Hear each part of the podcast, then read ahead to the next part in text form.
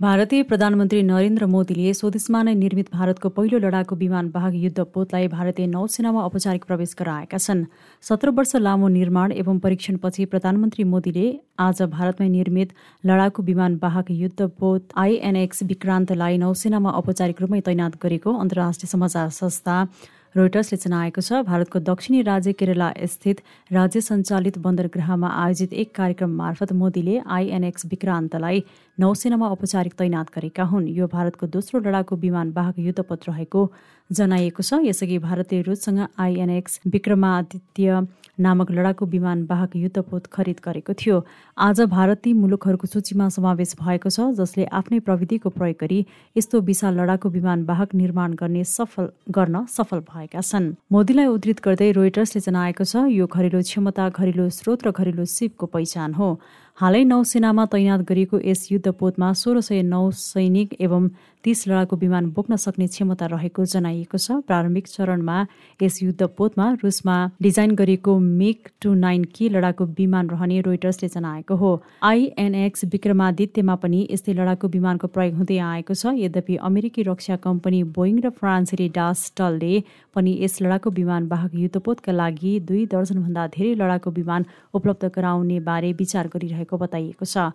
भारत विश्वकै सबैभन्दा महत्वपूर्ण हतियार आयातकर्ता मुलुक हो। रोइटर्सका अनुसार भारतले सन् दुई हजार अठारदेखि सन् दुई हजार एक्काइससम्म बाह्र अर्ब चालिस करोड अमेरिकी डलर बराबरको हतियार आयात गरेको थियो। यद्यपि पछिल्लो समय भारत स्वदेशमा नै यस्ता हतियार उत्पादन गर्ने प्रक्रियामा रहेको बताइन्छ।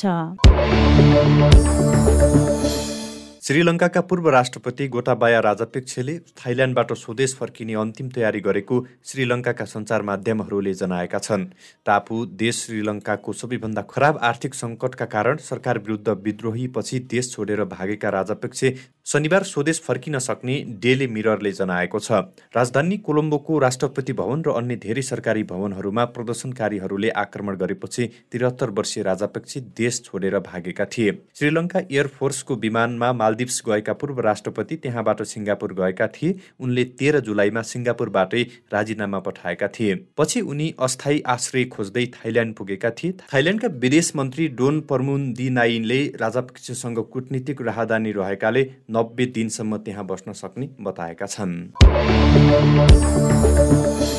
पाकिस्तानमा भारी वर्षा र बाढीका कारण रेल दुर्घटनामा पर्दा कम्तीमा पनि उन्नाइसजनाको ज्यान गएको छ। पाकिस्तानमा केही दिन यतादेखि भारी मात्रामा वर्षा भएको छ भने यसका कारण त्यहाँका कैयौं स्थानमा पहिरो आएको छ। पहिरोको कारण सड़कमा क्षति पुगेको छ। यसबाट रेलका लिगहरू पनि बिग्रिएको बताइएको छ। यसबाट रेल दुर्घटनामा परेर कम्तीमा पनि उन्नाइसजनाको ज्यान गएको छ। त्यहाँको विपद व्यवस्थापन प्राधिकरणले सो कुराको जानकारी दिएको हो। उक्त प्राधिकरणले त्यहाँको रेल सेवा पनि मौसमी वर्षाका कारण प्रभावित हुन पुगेको बताएको छ। बिहिबार राति सो प्राधिकरणले सार्वजनिक गरेको एक रिपोर्टमा गएको चौबिस घण्टामा उन्नाइसजनाको ज्यान गएको र त्यस दुर्घटनामा नौजना बालबालिका र अरू सातजना महिला पनि परेको जानकारी गराइएको छ। भारी वर्षा र बाढीले पाकिस्तानमा ठूलो जनधनको क्षति पुगेको छ। त्यहाँका एक हजारभन्दा बढी व्यक्तिको बाढीबाट ज्यान गएको छ भने अन्य हजारौं घाइते भएका छन्। बाटो बिजुली लगायतका भौतिक पूर्वाधारमा पनि त्यहाँको बाढी र पहिरोले क्षति पुर्याएको बताइएको छ। पाकिस्तानको दक्षिणी सिन्ध प्रान्त बाढी र पहिरोबाट सबैभन्दा बढी प्रभावित हुन पुगेको छ। हिजो मात्र सिन्ध प्रान्तमा बाह्रजनाको ज्यान गएको थियो भने अन्य कयौं घाइते भएका थिए। रुसी राष्ट्रपति भ्लादिमिर पुटिन सोभियत सङ्घका अन्तिम नेता मिखाइल गुर्बाचोभको अन्त्येष्टिमा सहभागी नहुने केर्मिलिनले पुष्टि गरेको छ। पुटिनको कार्यतालिकाले उनलाई शनिबारको कार्यक्रममा उपस्थित हुन अनुमति नदिने प्रवक्ता दिमित्री पिस्कोभले बताएका छन्। पुटिनले गुर्बाचोभलाई मस्कोको अस्पतालमा पुगेर श्रद्धाञ्जली अर्पण गरेका थिए। गुर्बाचोभको मङ्गलबार एकानब्बे वर्षको उमेरमा निधन भएको थियो। गुर्बाचोभका सुधारका कार्यले शीत युद्धको अन्त्य गरे पनि सोभियत युनियन विघटन गरेको थियो जसका कारण पुटिन क्रुद्ध रहेका छन्। सन् दुई हजार पाँच पाँचमा पुटिनले सोभियत सङ्घको विघटन बिसौँ शताब्दीको सबैभन्दा ठूलो भूराजनीतिक प्रकोप बताएका थिए। पश्चिमा देशका वाहौ वाहौ बनेका गोर्भाचो स्वदेशभित्र भने खलनायक साबित भएका थिए। सोभियत सङ्घको विघटनपछि कतिपय रुसीले उनलाई घृणा गर्ने गर्थे। जिम्बावेमा अफ्रिकाकै सबैभन्दा पुरानो डाइनेसोरको अवशेष भेटिएको अनुसन्धानकर्ताले दावी गरेको छ। जिम्बावेको अफ्रिकाकै सबैभन्दा पुरानो डाइनेसोरको अवशेष भेटिएको अनुसन्धानकर्ताले दावी गरेका हुन् एक मिटर अग्लो दुईवटा खुट्टा र लामो घाँटी भएको डाइनेसोरको अवशेष भेटिएको अनुसन्धानकर्तालाई उद्धित गर्दै बिबिसीले उल्लेख गरेको छ। यो चार खुट्टाले हिँड्ने साउरोपोदो मोरपोद प्रजाति भएको अनुसन्धानमा उल्लेख गरिएको छ। डाइनेसोरको अवशेष सन् दुई हजार सत्र र दुई हजार उन्नाइसमा गरिएको अध्ययनको क्रममा भेटिएको अनुसन्धानकर्ताले उल्लेख गरेका छन्। पाकिस्तानमा हालै आएको बाढीका कारण तीस लाखभन्दा बढी बालबालिका मानवीय सहायताको पर्खाइमा रहेका छन्।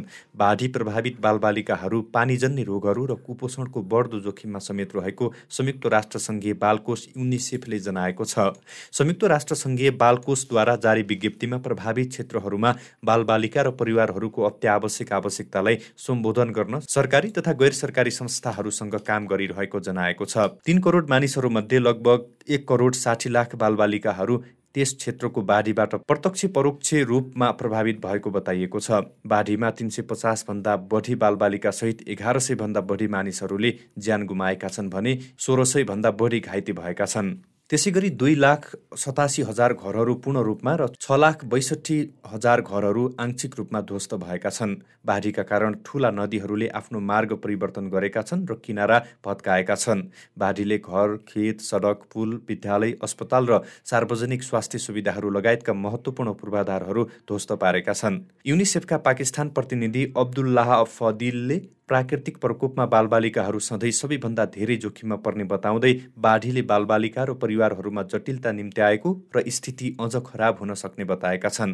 उनले युनिसेफले विभिन्न सरकारी र गैर सरकारी संस्थासँग मिलेर काम गरे पनि बालबालिकाको आधारभूत आवश्यकतालाई यथाशीघ्र सम्बोधन गर्न अझ थप पहल आवश्यक पर्ने बताएका छन्।